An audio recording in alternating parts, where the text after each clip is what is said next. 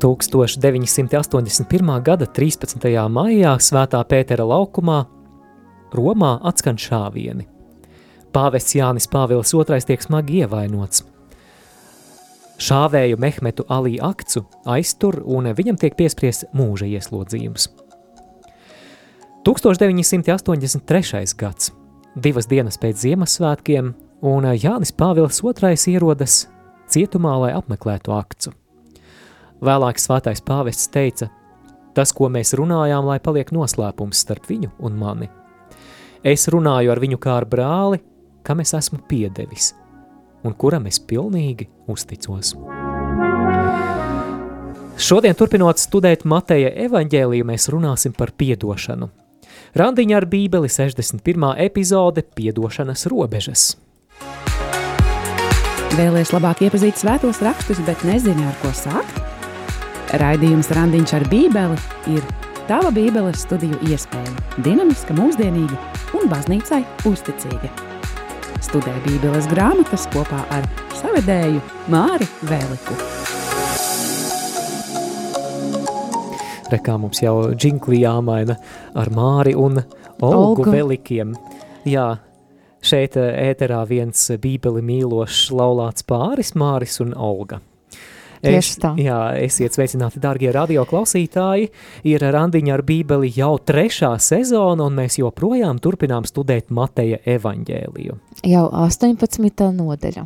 Šodien mēs arī 18. nodaļu pabeigsim, un arī ļoti interesanti, un es domāju, daudziem cilvēkiem aktuāla tēma. Mēs runāsim par piedošanu, un šīs epizodes nosaukums ir Piedošanas robežas. Vai Atgā... tādas ir? Jā, vispār vai tādas ir, un ja ir, tad kur tās ir. Un uh, atgādinu arī, ka šo raidījumu var skatīties video tiešraidē gan Radio Marija Latvija tiešraides YouTube kanālā, gan arī Randiņa ar Bībeli Facebook, Facebook lapā. kanālā. Jā, jūs varat uh, padot tālāk, ja jums šis raidījums patīk, un arī varat ielaikot vai arī iekomentēt uh, šo raidījumu un tas palīdzēs arī radio Marija ēteram aizsniegt tos cilvēkus, kuri parasti radio neklausās par to sirsnīga, sirsnīga pateicība. Bet iesāksim mūsu bībeles studijas ar lūkšanu Dieva tēva un dēla un svētā gara vārdā Āmen. Amen. Mēs pateicamies Tev, mīļais, dārgais Dievs, par iespēju lasīt Tavu vārdu. Kungs, mēs Tev pateicamies, ka Tu mūs sapulcini, jo mēs ilgojamies pēc Tevis. Mēs ilgojamies, lai Tu mums pieskaries caur savu vārdu un mēs ticam, ka Tavs vārds ir dzīvs un iedarbīgs. Palīdzi mums šo vārdu uzticīgi sludināt, un mēs lūdzam, lai ik viens radio klausītājs caur šo raidījumu saņem daudz, saņem to, ko Tu Dievs vēlies katram dot. To mēs lūdzam caur Jēzu Kristu mūsu kungu. Āmen. Amen. Svētais Matei, lūdz par mums!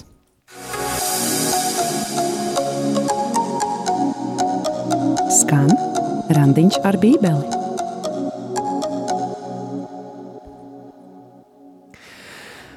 Mīļo klausītāji, ja tu seko līdzi šajā raidījumā arī Bībeles tekstam, tad atver Mateja evaņģēlijā 18. nodaļu, Olga atgādina, no kura panta tad mēs un līdz kuram mēs šodien Tad mēs šodien lasīsim no 21. panta līdz 35. Ja jums nav bībeles, jūs droši varat arī atrast internete vai arī telefona, smartfona arī leju pieladīt bībeles aplikāciju. Patiesībā ļoti laba lieta. Iesāksim lasīt Mateja evaņģēlijā 18. nodaļas 21. pantu, jo šodienas stāsts iesākas ar Pētera, apustuļa Pētera jautājumu. Tad Pēters piegāja pie viņa un sacīja: Kungs, cik bieži man būs piedot savam brālim, ja tas pret mani grēko, vai pietiek septiņas reizes? Patiesībā Pēters šeit Jēzum jautā, kādas tad ir piedošanas robežas, kur šīs robežas beidzas, vai vispār ir šādas robežas, vai nav gadījumā tā, ja cilvēks nāk pie manis lūdzot, nu, piedot man, es atkal esmu tev nodarījis pāri, un es tad skatos reģistrā, es tā skatos tā paga vienreiz, otrais, trešoreiz. Labi, ja vēl pra, lūdz piedošanu. Jā, labi, ja lūdz piedošanu. vēl ne, nelūdz. Varbūt. Jā, bet, bet, nu jā, zini, tu esi izsmēlis savu limitu, un, diemžēl, es tev vairs nevaru piedot. Un kas ir interesanti, tad jau vēlāk, rabīnam, jūdu rabīnam ir tāds priekšstats par to, cik reizes tev drīkst piedot saviem tuviniekam, kādam cilvēkam, tad pret, bet pēc viņu priekšstāstiem tad limits bija trīs reizes. Tad tu mm. trīs reizes uh, tu vari piedot šim cilvēkam, tālāk jau var nepiedot, ja?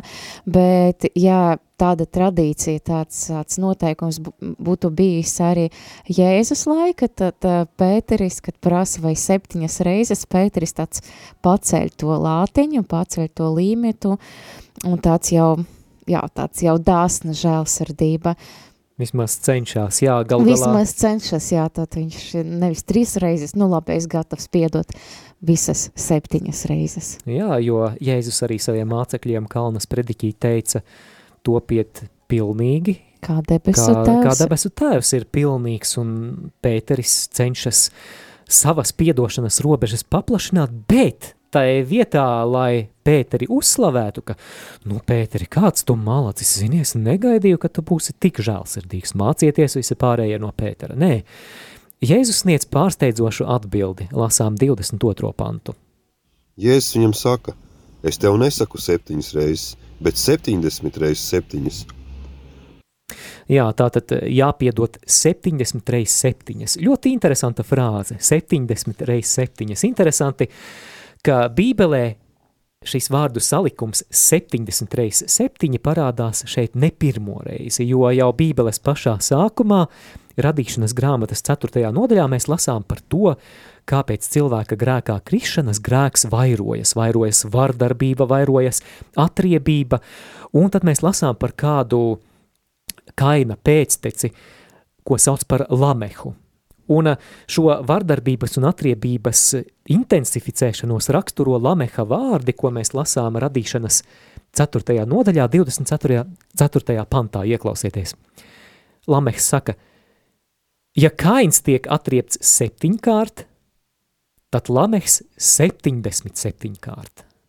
Jā, un ka kaut kas uh, pilnīgi pretējs, ko Jēzus sāka, ja, ja vecajā darība tika runāts par atriebību, uh, 70, uh, 77 kārt, jā, tad Jēzus runa jau par piedošanu, par kaut ko pilnīgi pretēju. Un, jā, bet uh, vai, vai šīs, šī nozīme ir 77 eh, kārt, kā, nu, tiešām mēs tā kā reizināšanas tabula aprēkinam savādām Exceli, cik reizes man kāds ir kaut ko izdarījis, un vai tas ir limits, vai tas tomēr ir tāds pārspilējums, ko ar ko Jēzus grib pateikt, ka patiesība tev visu laiku būs jāpiedot, tev visu laiku būs jāpiedot. Mēs redzam arī uh, citas nodaļas, ka Jēzus saka, ka tur izmet savu roku, aci Jēzus pārspilē, un Jēzus izmanto arī to pārspilēšanu arī šeit, ka tev būs visu laiku jāpiedot savam brālim. Ja kaina pēcteči pret pāri darījumiem atbildēja ar neierobežotu atriebību, tad Kristus māceklim ir jāatbild ar neierobežotu piedošanu. Piedošanu bez robežām, bez jebkāda limita. Un, jā, lai ilustrētu šo domu par neierobežoto piedošanu, Jēzus iesāk stāstīt kādu līdzību. Lasām no 23. līdz 24. pantam. Tāpēc debesu valstība ir līdzināma ķēniņam, kas gribēja ar saviem kalpiem norēķināties. Un, kad viņi uzsāka norēķinu, viņam pieveda parādnieku, kas bija tam parādā desmit tūkstošu talantu. Ko mēs tikko dzirdējām šajā līdzībā, tātad ir ķēniņš, un uh, viņš mēģina norēķināties ar saviem kalpiem, un ir viens kalps, kurš ir viņam parādā ļoti lielu summu. Viņš ir parādā desmit tūkstošus talantu. Nu, interesanti, man liekas, mums, mums ir grūti iedomāties, jā, ir eiro, ir dolari, ir kaut kādas, piemēram, nezinu, Ungārija forinti desmit tūkstoši, tur ir diezgan normāla summa, tu vari varbūt divas reizes uz veikalu aiziet, bet Māra, varbūt ir kaut kāda paskaidrojums, cik daudz tas bija tomēr, cik liels tas parāds bija. Jā, talents bija pati lielākā monetārā vērtība, Es uh, es esmu lasījis, es tagad nepateikšu varbūt precīzi, cik kilogramos zelta tā bija, bet kaut kur ap 30, laikam virs 30 wow. kilogramu zelta, un viens talents ir vienlīdzīgs 6000 denāriju. Un tātad viens talents esot 20 gadu darba alga. Iedomājies, 20 gadus ir jāstrādā, lai tu varētu vienu talantu nopelnīt. Tātad jau viens talants ir ļoti liela vērtība, ļoti liela vērtība. Bet mēs lasījām šajā līdzībā, ka kalps ķēniņam ir parādā desmit tūkstošus talantu. Visu mūžību jāstrādā. Visu mūžību ir jāstrādā, ir miljardi, miljardi. Tie 200 tūkstoši gadu būtu jāstrādā. Šausmas, prātam neaptverama summa. Jā, un tie, tas parāds ir ārkārtīgi lielas, jā, ja mēs parēķinām par gadiem, cik būtu jāstrādā, tad ir 200 tūkstoši gadu, bet kas tad notiek tālāk, Māri? Lasām no 25. panta. Bet, kad tas nespēja samaksāt, kungs pavēlēja to pārdot verdzībā ar sievu un bērniem un visu, kas tam bija, un samaksāt. Tad kalps krita pie zemes un viņu gauži lūza sacīdams – Cieties ar mani, un es tev visu nomaksāšu. Tad kungs iežēlojās par šo kalpu, palaida viņu un arī parādu atlaida. Jā, mēs dzirdējām, ka ķēniņš liek pārdot parādnieku verdzībā, bet eh, šis parādnieks metas ceļos viņa priekšā, un viņš lūdz iespēju, ka palīdz dot man vēl iespēju nomaksāt šo parādu, kas nu, patiesībā ir, kā mēs tikko dzirdējām, neizpildāms solījums. Jā, kungam kļūst kalpu žēl. Jā, man liekas, viņš jau redz, ka patiesībā viņš jau nevarēs izmaksāt to summu, bet viņš iežēlojas, viņa sirds e, ir atmaigus un viņš nolama piedot. Bet, ja mēs lasam tālāk e, evangēlē, tad mēs redzam kaut kādu, nu, pilnīgi pretēju rīcību, ko tās pats kalps izdara nākamajā aina. Jā, un uh, tas būs kaut kas pretējs tam, kā rīkojās ķēniņš, un uh, kas tad notiek tālāk, lasām Mateja evaņģēlija 18. nodaļu no 28. līdz 30. pantam. Bet tad šis pats kalps izgāja ārā, sastapa vienu no saviem darba biedriem, kas tam bija simts denāriju parādā. Viņš to satvēra, žņaudza, sacīdams, maksā, atdod, ko esi parādā – Tad viņa darba biedrs krita pie viņa kājām, lūdzās un sacīja: Cieties ar mani, un es tev samaksāšu. Bet viņš negribēja un nogājis iemeta viņu cietumā, tiekams tas savu parādu samaksā. Jā, tātad saņēmis lielu apžēlošanu, viņam galu galā desmit tūkstoši talentu tiek piedots milzīga neiedojamājama summa vienkārši tiek piedota, vienkārši viss parāds tiek nosvītrots. Bet saņēmis šādu lielu atbrīvošanu no parāda, kalps satiek kādu savu darba biedru, kurš viņam savukārt ir parādā, un viņš ir parādā cik? Simts denāriju. Simts denāriju. Un cik tas ir? Viens denārijs bija vienas dienas alga, varbūt atcerēsimies arī līdzību no evaņģēlie, ko mēs tālāk lasīsim par tiem cilvēkiem, kas tiek saderēti par vienu jā, denāriju. denāriju diena. Jā, jā mm -hmm. kur gan tie, kas no rīta sākuši, gan vakarā pievienojušies, visi saņem vienas dienas algu, vienu denāriju. Un tātad šis kalpa darba biedrs ir parādā viņam simts denāriju. Gandrīz trīs mēneši. Jā, darba. jā apmēram simts dienu ienākumi. Mm -hmm. Nu, jau realistiskāk. Jā. Un, eh, protams, ka salīdzinot ar desmit tūkstošiem talantu, tas ir sīkums.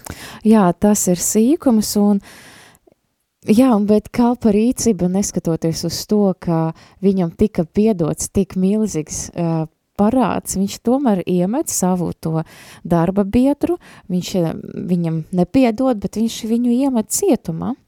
Ja mēs salīdzinām, jā, tas ir trīs mēnešu darbs salīdzinājumu ar, nezinu... 20 gadu darbu.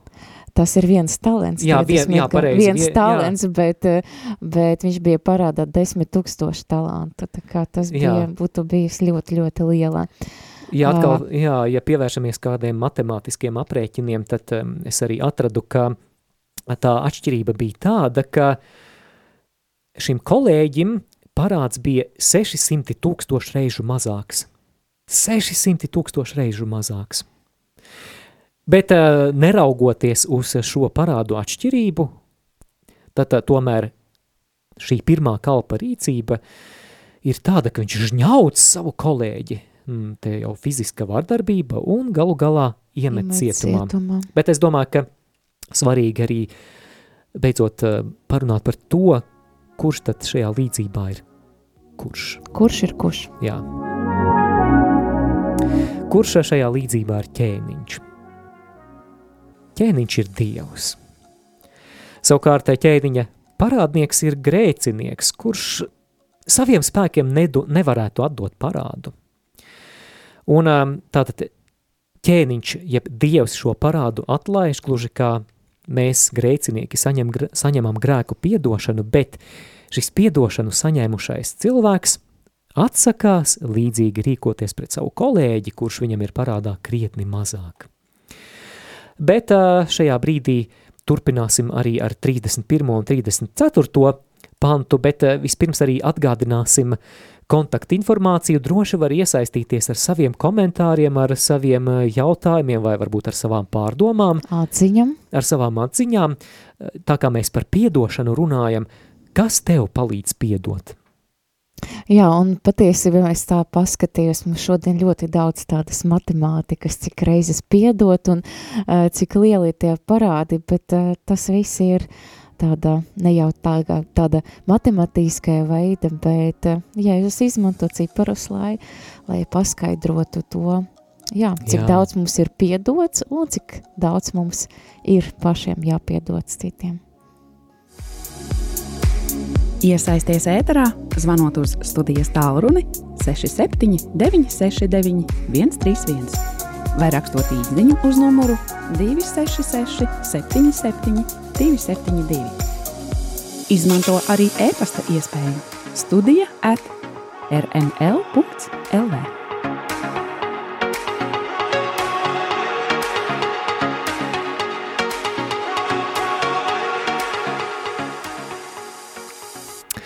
lasām par to, kā notikums turpinās.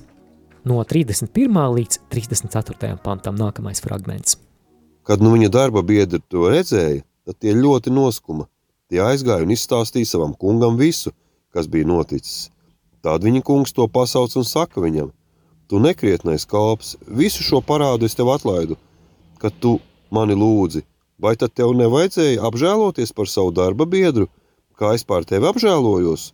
Un viņa kungs apskaitās un nodeva to mocītājiem, kamēr tas samaksā visu, ko viņš tam bija parādā.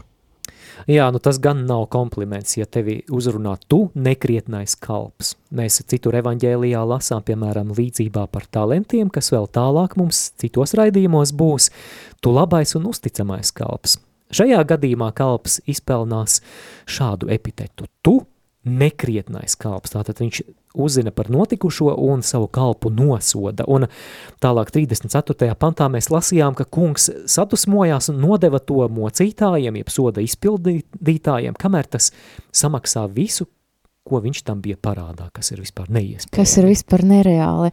Un tālāk mēs um, lāsam jau to, to galveno secinājumu, galveno domu, kas apkopo uh, visu iepriekš, iepriekš minēto evangēliju. 35. pants. Tā arī mans debes tēvs jums darīs, ja jūs ik viens savam brālim no sirds nepiedosiet. Jā, tad mēs šeit redzam, ka, ka gluži kā ķēniņš līdzība, kad viņš piedeva kalpiem šo milzīgu parādu, tā arī mūsu debesu tēvs, viņš ir piedevis mums milzīgu grēku, viņš ir mums pie, piedevis milzīgu parādu un paši, paši saviem spēkiem mēs nespētu samaksāt. Tikai mēs zinām jau tāl, tālākos notikumus pēc, pēc Jēzus nāves, jo šīs evangēlija fragments vēl ir pirms Jēzus nāves, ka, nu, Dievs, tie, tēvs ir atdevis savu vienpiedzimušo dēlu, lai samaksātu par mūsu grēkiem, ja mums pašiem nebūtu spējas, nebūtu tādas kapacitātes, uh, izpirktu šo mūsu grēku. Un mums, kā mācekļiem, ir jāpiedod. Mums ir jāpiedod. Jēzus uz to aicina tiešām nevis eh, kā kādu konkrētu uh, skaitu, cik vat, kāds man ir limits, es vairs šo grēku es piedodu, varbūt tā, tādu es nepiedotu, bet mēs aicināti, esam aicināti piedot visu bez limitām. Jā, mēs pat ar prātu nespējam aptvert, cik daudz Dievs ir piedevis, cik daudz Dievs ir piedevis tavā dzīvē, manā dzīvē. Un vispār baznīcas vēsturē Dievs ir piedevis melus, Dievs ir piedevis neticību, Dievs ir piedevis elku kalpību, Dievs ir piedevis nešķīstību un laulības pārkāpšanu, Dievs ir piedevis dusmas un slepkavības. Un, Jā, jā. Jēzus piedeva arī tos cilvēkus, kas viņu sīta krustam. Jā, un, un tad uh, mēs esam aicināti rīkoties tāpat, un manuprāt, jā, man ļoti šķiet interesanti, kā bībele skaidro bībeli, kā citas rakstu vietas papildina to, ko mēs lasām, nu, piemēram, šodienas fragmentā, un man šķiet, ka šīs dienas galveno domu ļoti labi rezumē apustulis Pāvils. Tā, tad vēstule Efeziešiem, 4. nodaļa, 32. pants. Bet esiet cits pret citu laipni un žēlsirdīgi, piedodiet cits citam, kā arī Dievs Kristū jums ir piedevis. Man savukārt šī, šīs evaņģēlē fragments atgādina vēl kādu arī vēstuli, tad vēstule romiešam no 12. nodaļas 21. pants uzvariet ļaunu ar labu. Tad dariet kaut ko pilnīgi pretējo, lai, lai tiešām labais varētu uzvarēt šajā pasaulē, lai nevairotos ļaunums. Šajā brīdī dodamies mūzikas pauzē, un eh, mēs priecāsimies par ziņu no tevis, ja tev ir kādas pārdomas, bet it sevišķi, kas tev palīdz piedot, kas tevi motivē piedot. Numurs īziņām ir 266 77 272. Vai tālrunis studija ir 679 69 131.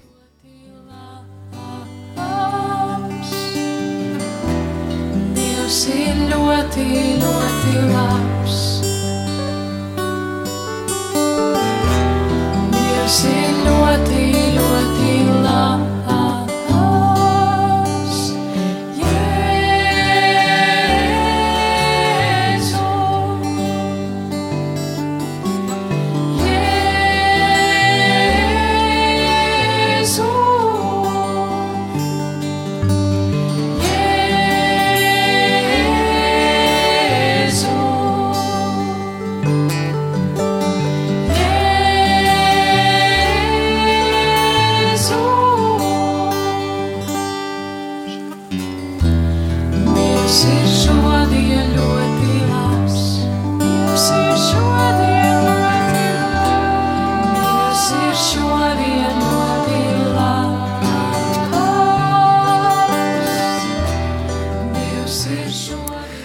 Mums ir zvans ēterā, uzklausīsim klausītāju, lūdzu. Lai slavēts Jēzus Kristus. Mūžīgi mūžam slavēts. Paldies, Māra un Olga. Es jūs klausos un es cerēju aizkadrā ar jums parunāt, bet jūs man iemetāt ētrā. No tā ir. Es, es klausos un man liekas ārkārtīgi svarīga tēma un tā. Bet es zvanu kā vājš cilvēks, laikam. Un uh, es tā klausos un domāju, protams, kā mums, mēs lasam un mēs klausamies un mēs arī apzināmies, uh, nu, jūs arī norādījāt, kurš ir kurš šajā te rakstu vietā un tā. Un tad esam mēs cilvēki, un, protams, ka mēs esam aicināti uh, sekot un, un smelties spēku kungā.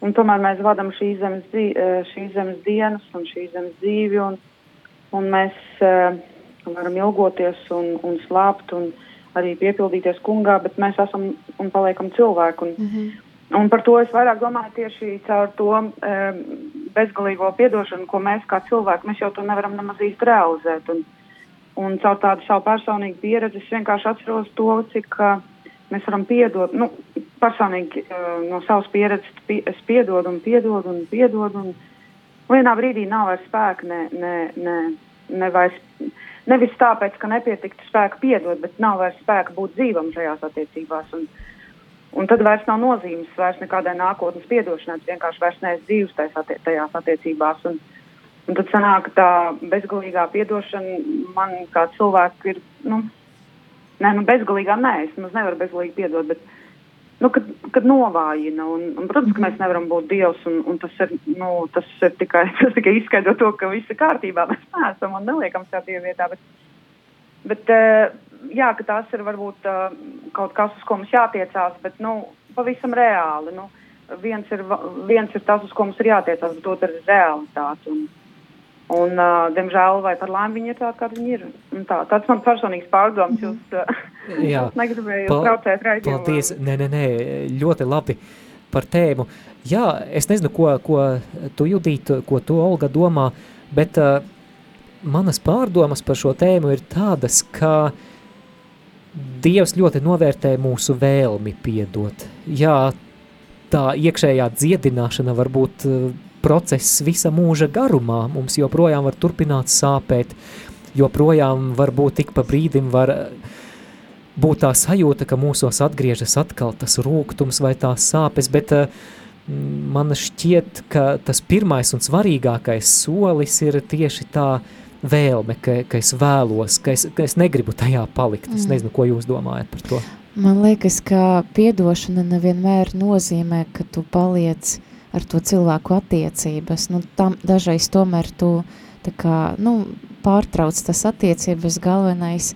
Nu, varbūt kaut kāda veida turpina, bet jā, pēc, ja, tās ir iespējams, jā, vai kāda cita kvalitāte attiecības notiek, bet ka tu, nu, varbūt tu zini, ka tu vairs nevari uzticēties tam cilvēkam vai kā, bet tik un tā visu to pagātni, kas ir bijis, tu atstāj miera. Un ne Bet tai jau- pašā laikā arī nenoliec, ka tas Jā, ir noticis. Jā, jā, nu man liekas, jā, tas ir tur tā, lai Dieva gudrība apgaismo un parāda, kā rīkoties. Jā, es noteikti jums piekrītu. Es, uh, es noteikti jums piekrītu arī tajā, ko Mārcis saka, un arī tajā, ko Olga saka. Uh, tas ir mans, mans vienkārši pārdoms, un, mm, un, Jā. un es saprotu vienkārši, ka mēs gluži cilvēcīgi neesam spējīgi bezgalīgi neko nest, tas ir normāli droši vien. Tikai es droši, domāju, ka personīgi es esmu jutusies kādreiz vainīga, vai ne? Es kā ar tādu piedošanas sajūtu dzīvoju. Uh, tas nenozīmē, ka Mārcis arī saka, tas nenozīmē, ka man tas neatgriež atpakaļ kaut kādā sāpīgā sajūtā vai kā. Es uh, dzīvoju tajā sirds stāvoklī, ka es nevēlos uh, neko pārmest šim cilvēkam, tāpēc, ka mēs katrs esam kāds, kāds esam un ar, tāds atnākam, kāds atnākam. Bet uh, mēs, manuprāt, vismaz es esmu kādreiz jutusies vainīga, vai ne, kad Jā. uh, pēc tās uh, savas spēju robežās piedošanas es nespēju vairs nekā vienalga būt. Uh, nu, ar to es tam cilvēkam vēl izdošanos un svētību, bet es nespēju vairs uh, būt at atvērts attiecībām ar jebkādām. Tas taču ir uh, kolēģis, uh, bērnības draugs, skolas biedrs. Uh, Kaimiņš vai kaut kā tam līdzīga. Jebkurš, absolūti jebkurš. Mm -hmm. Jā, es, es arī esmu juties vainīgs, ka, manuprāt, es esmu ļoti nepilnīgs piedošanā. Un es domāju, ka arī daudzi citi radio klausītāji varētu arī liecināt un piebilst, ka tas ir ļoti grūts process, bet arī raidījuma turpinājumā tas, ko mēs vēl runāsim, arī var būt, eh, var sniegt vēl kādas atbildītes uz tiem neskaidrajiem jautājumiem par piedošanu. Man liekas, ka piedošana pat var būt visgrūtākais, jā, uz ko mūs Dievs aicina šajā dzīvē. Varētu Jā. būt visgrūtākais, jo tik un tā man liekas, cik uh, visi ir piedzīvojuši to, ka ir kāda vilšanas, ir kāda sāpe. Tā kā, Jā, m- mums, Palīgi, es pa, turpināšu paldies, jā, un eh, paldies! mums ir vēl kāds zvans ēterā, lūdzu. Antra no Liepājas, kas tagad ir no Jā. Rīgas. Prieks tevi dzirdēt, Antra. Vai es esmu ēterā vai vēl nē? Jā, tu esi ēterā. Vai paldies jums par brīnišķīgo raidījumu, un es klausos, un arī paldies Judītei par viņas komentāru.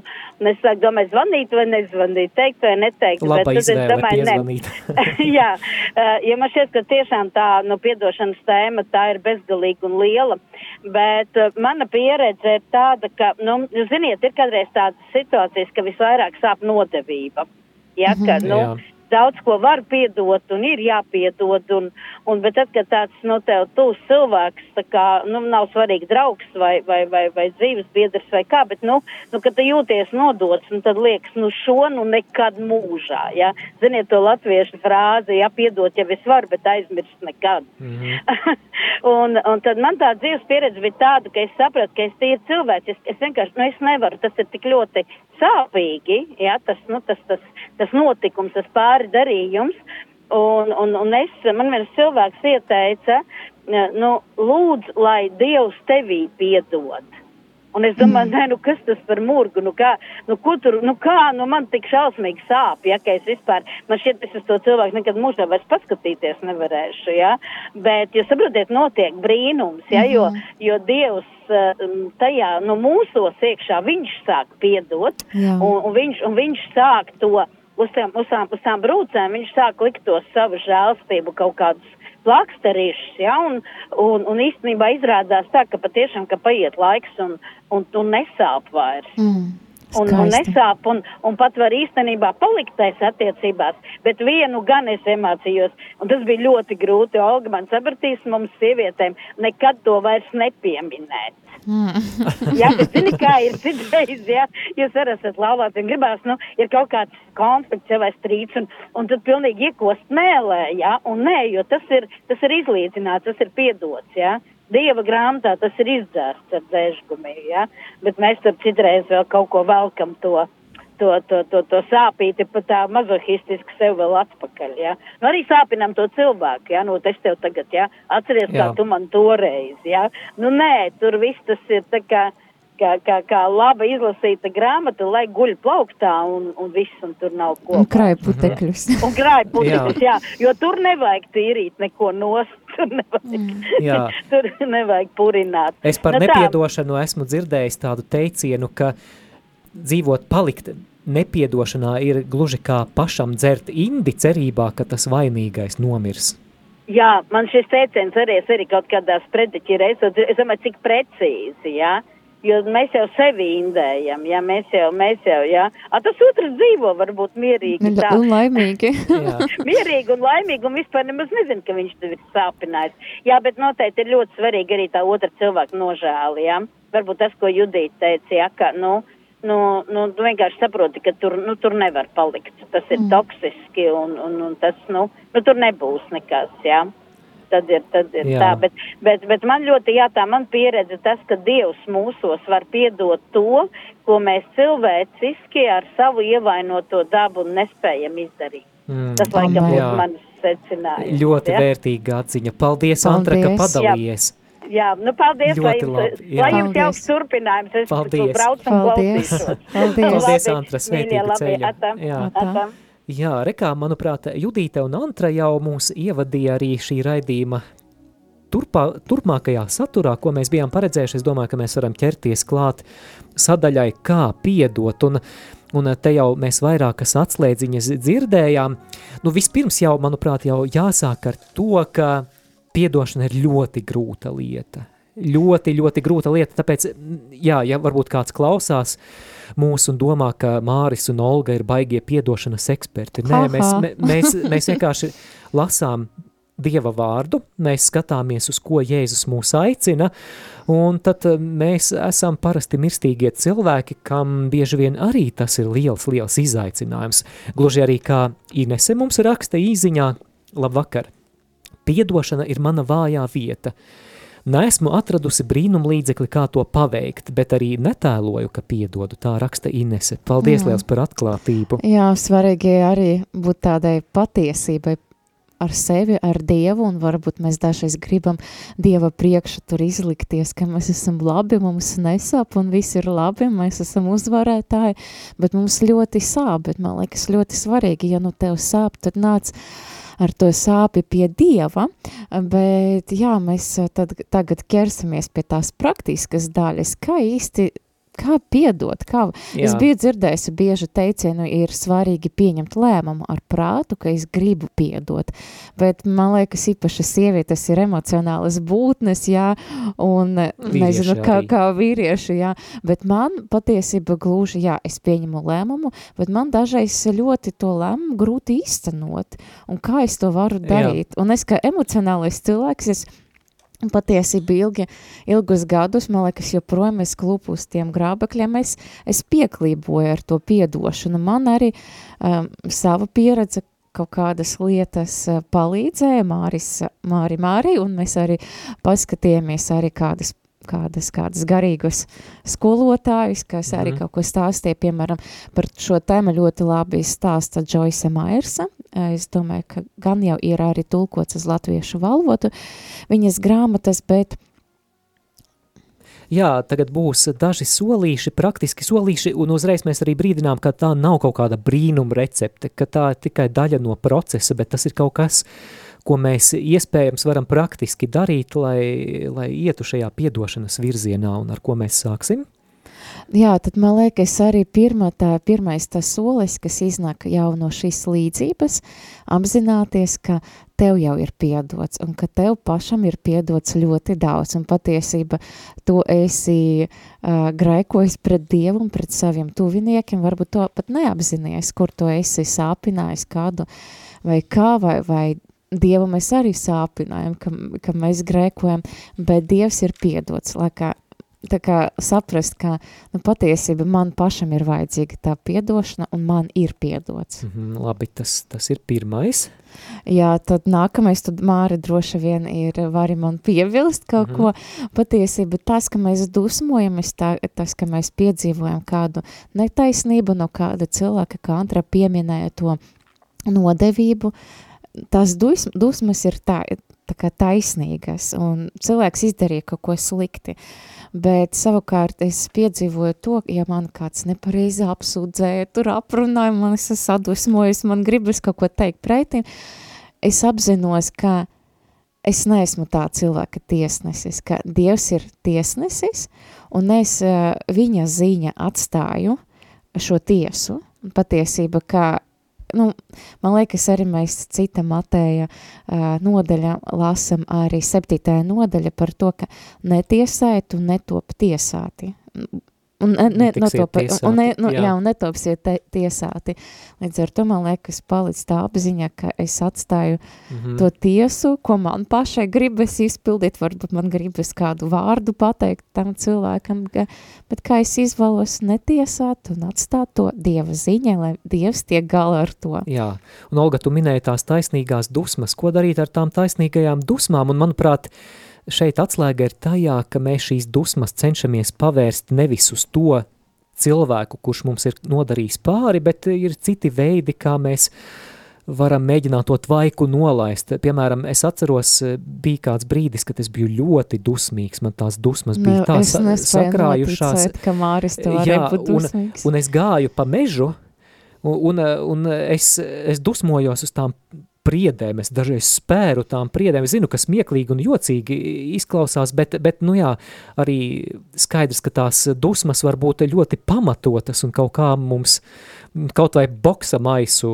boksējot, vai nezinu, ejot, Paskrie, ejot paskrienot. paskrienot vai, vai ejot uz uh, labu psihoterapiju, mēs varam šīs lietas risināt. Jā, bet tad otrais solis bija Netiesāt, jā, ne- atstāt netiesāt, tiesu atstāt. Dievam. Jā, ja mums gribas kaut ko pateikt un, un vai atriepties, jā, ir vēl viena uh, vieta no, man liekas, no vecas de derības, kur pateikts, ka atriebība pieder Dievam, bet es jau neatceros, kura vieta tā bijusi. Varbūt. Jā, un ķēniņš Dāvids uh, arī dzīvoja pēc šī principa, piemēram, ka ķēniņš Sauls viņu vajā, uh, viņš atsakās šo, šim Saulam nodarīt pārestību, bet apgalvo, ka Dievs būs tas, kas iztiesās. Jā, un Dievs, Dievs arī rīkosies, protams, ka mēs ceram, ka, uh, ka Dievs pamata vienkārši mēģinās tam cilvēkam varbūt atklāt acīs uz to viņa grēku, un tas cilvēks, ja viņš nav kristietis, tad nāks pie grēka nožēlas, un, bet jā, atstāt, jā, atstāt šo situāciju Dievam, jo Dievs ir kungs, Dievs ir tiesnesies un galu galu viņš tiesas visu, visus cilvēkus. Trešais solis, man ļoti patīk trešais solis. Man liekas ļoti, jā, es arī to nebiju atklājusi, man liekas ļoti grūti palikt neitrālam šai situācijai. Ja tev ir kādas dusmas uz cilvēku, ja tev kāds rūgtums, man liekas, šī lieta ļoti, ļoti labi palīdz pārvarēt to rūgtumu. Un, jā, mēs lāsam šo aicinājumu no Dieva, tad mīliet savus ienaidniekus un lūdziet Dievu par tiem, kas jūs vāja, kas dara jums kādas pareistības, bet uh, ir viena atslēga, ja tev nāk kāds ruktums par šo cilvēku, kādas negatīvas domas, tad izmanto šīs domas, lai svētītu šo cilvēku, lai tas mīnus uz plusu uh, aiziet tā, kāda tāda neitrālajā stāvoklī, jo ir ļoti grūti, ja cilvēks tev kaut ko izdarīs, ja tev nāk uh, dusmas uz to, ja tev nāk kaut kādas negatīvas domas, bet jā, kā es jau teicu, tu vari izmantot šo, šīs domas un svētīt. Un es pati biju piedzīvojusi, man ļoti kāds izdarīja pāri, kā man likas, varbūt tie bija tikai daži vārdi, bet tas man kaut kā ļoti aizķeras, un es visu laiku domāju, kāpēc tas cilvēks tā man pateica, kāpēc viņš tā izdarīja, uh, Un tajā vieta, lai visu laiku teikt, teiktu, kāpēc, kāpēc, kāpēc, es vienkārši paņemu rožu kronu un sāku ar katru mm. esi sveicināti vienkārši svētīt šo cilvēku. Un es sajūtu, ka pamazam šī mans, šis mans rūgtums, viņš atkāpas. Es sāku svētīt, un šis rūgtums atkāpas no manis.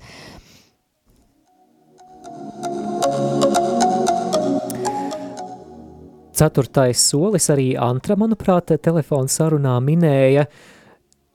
Ceturtais ir atsakies runāt ļaunu, atsakies aprunāt.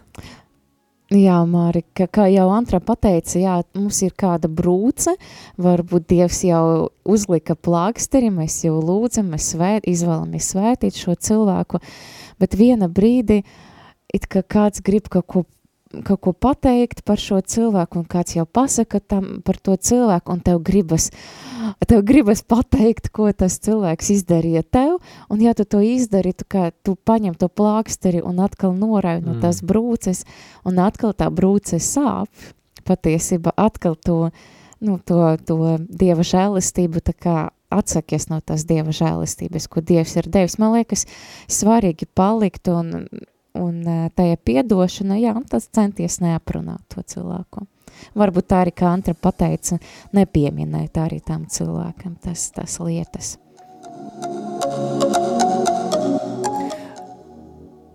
Un visbeidzot piektais solis – lūgt Dievam žēlastību.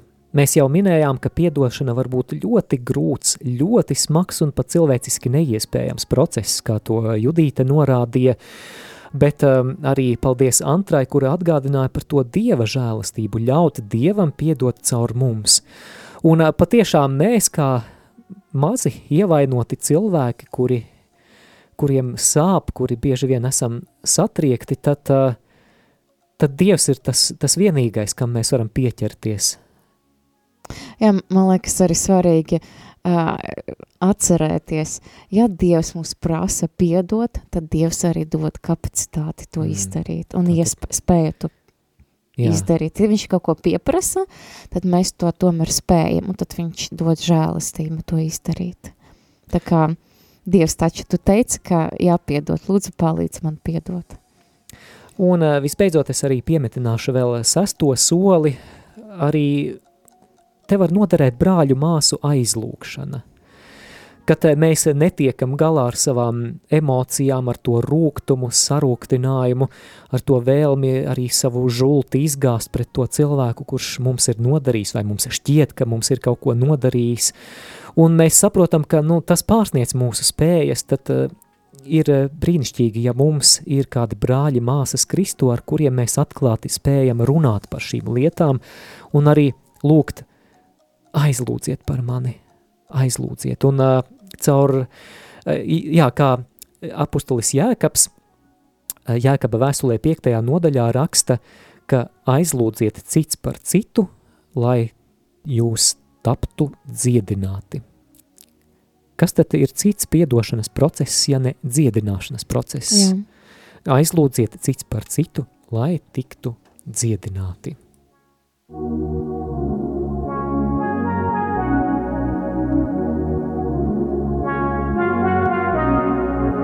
Uzmanību! Raidījums vedot klausītāju pa Bībeles dzīļu aizraujošajiem līkločiem, kur iespējams vēl nekad nav būts, var izraisīt nopietnu atkarību no privāta randiņa ar svētajiem rakstiem ikdienā.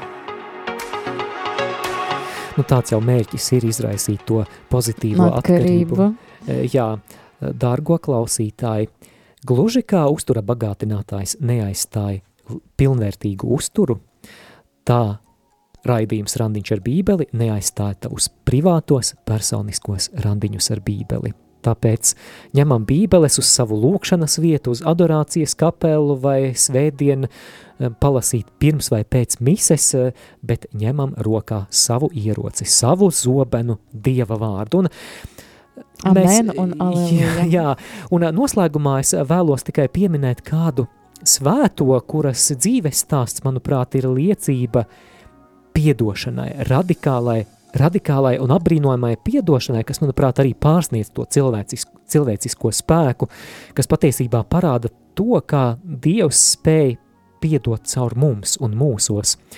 Un tā ir kāda afrikāņu svētā Josefīna Bakhita dzimusi Sudānā ap 1869. gadu, un astoņu gadu vecumā notiek tā, ka viņu nolaupa vergu tirgotāji, kas viņu pārdot vieniem saimniekiem, tad viņa tiek pārpirkta vairākas reizes, tātad viņa daudzu gadu garumā kalpo pie dažādiem saimniekiem, un, un cits par citu tie ir nežēlīgāki. Tie pret viņu izturas nežēlīgi, viņu sit, um, kāda saimnieka, neatceros vai dēls, la, laikam dēls, uh, Josefīni Bakhitu sasita tik ļoti, ka viņa veselu mēnesi nespēja staigāt un vienkārši gulot, guļot pavadīja to laiku. Kādi citi saimnieki viņas miesā grieza dažādas zīmes un bēra brūcēs sāli. Un, un daudz, daudz citu pazemojumu. Bet vēlāk Josefīne, kad jau bija kļuvusi kristiete, nākusi pie Jēzus, teica tā: Ja es satiktu tos, kas mani nolaupīja, un pat tos, kas mani spīdzināja, es mestos ceļos un skūpstītu viņu rokas. Jo, ja tas nebūtu noticis, es nekad nebūtu kļuvusi kristiete un klostermāsa. Dieva tēva un dēla un svētā gara vārdā Āmen. Kungs Dievs, mēs lūdzam, lai caur svētās Josefīnas Bakhitas aizbildniecību Tu mums atjauno spēju piedot, lai mēs spējam svētīt tos, kas mūs ir ievainojuši, un lai mēs spējam skatīties uz priekšu un pieaugt mīlestībā caur Jēzu Kristu, mūsu kungu. Amen.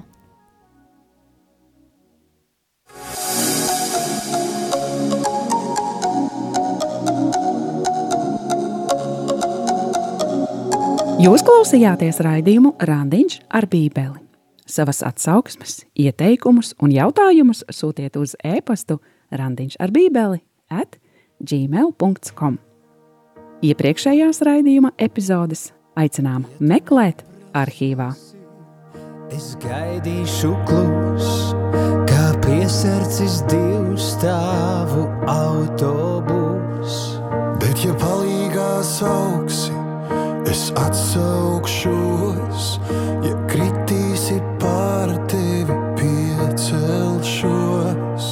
Kad viss tīsies tumsā,